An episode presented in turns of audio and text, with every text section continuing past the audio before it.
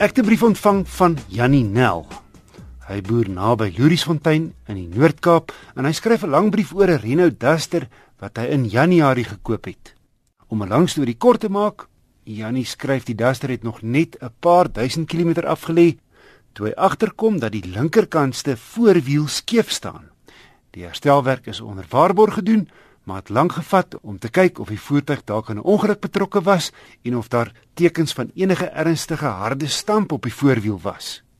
Janie skryf nou dat hy nie die kar meer wil hê nie, want hy voel daar moet tog 'n rede wees hoekom so iets met die wiel gebeur het. Ek het Janie se brief en die verslag wat hy aangeheg het aan Nicolou gestuur. Hy is die tegniese redakteur van die tydskrif Car. As mense 'n nuwe voertuig optel by 'n handelaar, dan verwag mens daai voertuig gaan 100% reg wees. Daar gaan nie foute met hom wees nie. In hierdie geval sê Jannie vir ons dat hy die voertuig opgetel, hy het nie onmiddellik opgelet daar's iets fout met die wielsporing voor of daai suspensie voor met die voorwiel wat heel skeef staan nie. Hy het dit eers agtergekom omtrent 4000 km na die voertuig ontvang het. Hy noem ook in sy brief dat uh, sy vrou meestal bestuur en hy so af en toe bestuur. So ek dink die probleem in hierdie geval gaan wees die bewyslas van Jannie se kant af om te bewys die voertuig is wel in daai toestand ontvang.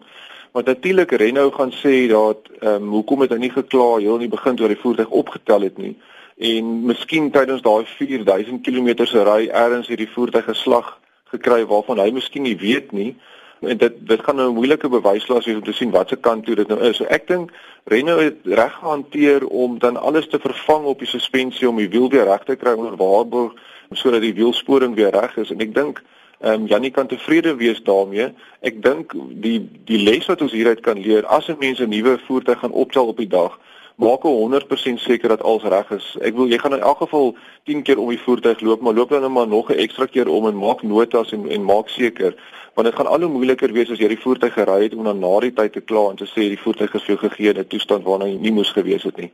Nicolou, die tegniese redakteur van Car. Luisteraars kan gerus navraag aan my rig. E-pos na wissel@rsg.co.za.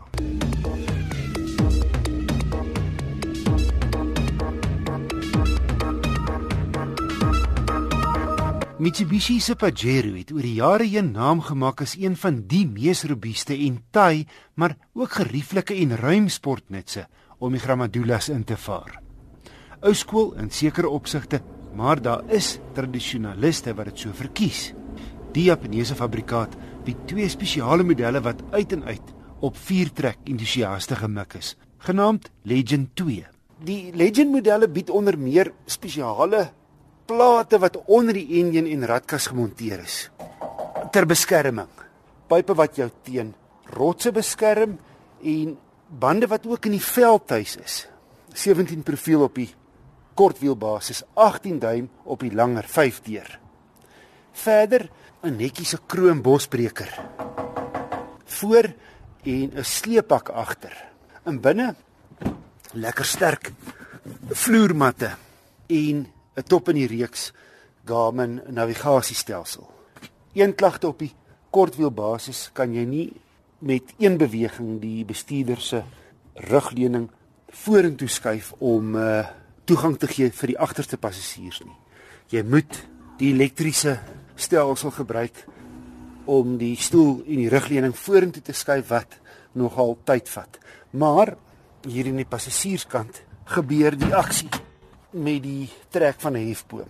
sien die kortwielbasis Legend het net twee sydeure, maar bied spasie vir 5.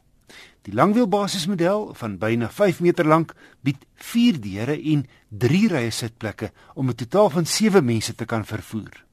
'n Volgrootte spaarwiel het geen impak op die spasie in die bagasiebak. Dis heel agter buite gemonteer teen die bagasiedeur wat sywaarts oopmaak. Hoewel die 3.2 turbo diesel nogal growerig is vergeleke met moderne turbo diesels, het hy genoeg woema.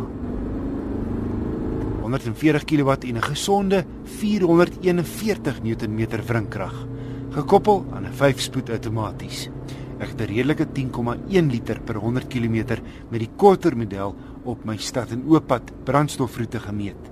Die langer en swaarder model 10,4 en die Pajeros kan op die minder skoon 500 ppm diesel loop. 'n Gerieflike rit, lyks toegerus met gemaklike, verhitbare leersitplekke en al die nodige veiligheidskenmerke. Negatief is, die Pajero se stuur is effe vaag en die ontwerp binne plek plek ouderwets. Maar dit sal nie avontuurlustiges plan nie vir wie 'n laastrek ratkas ewenaars wat kan sluit en 'n grondvryhoogte van 235 mm 'n prioriteit is. En die goeie nuus is dat die talle Legend bykomstighede heelwat minder kos as wat jy elke item afsonderlik sou spesifiseer terwyl die waarborg behoue bly. Die Langpajero se prys van 820 000 sluit 50 000 rand se ekstras in terwyl die korter weergawe 720 000 rand kos met 40 000 rand se bykomstighede.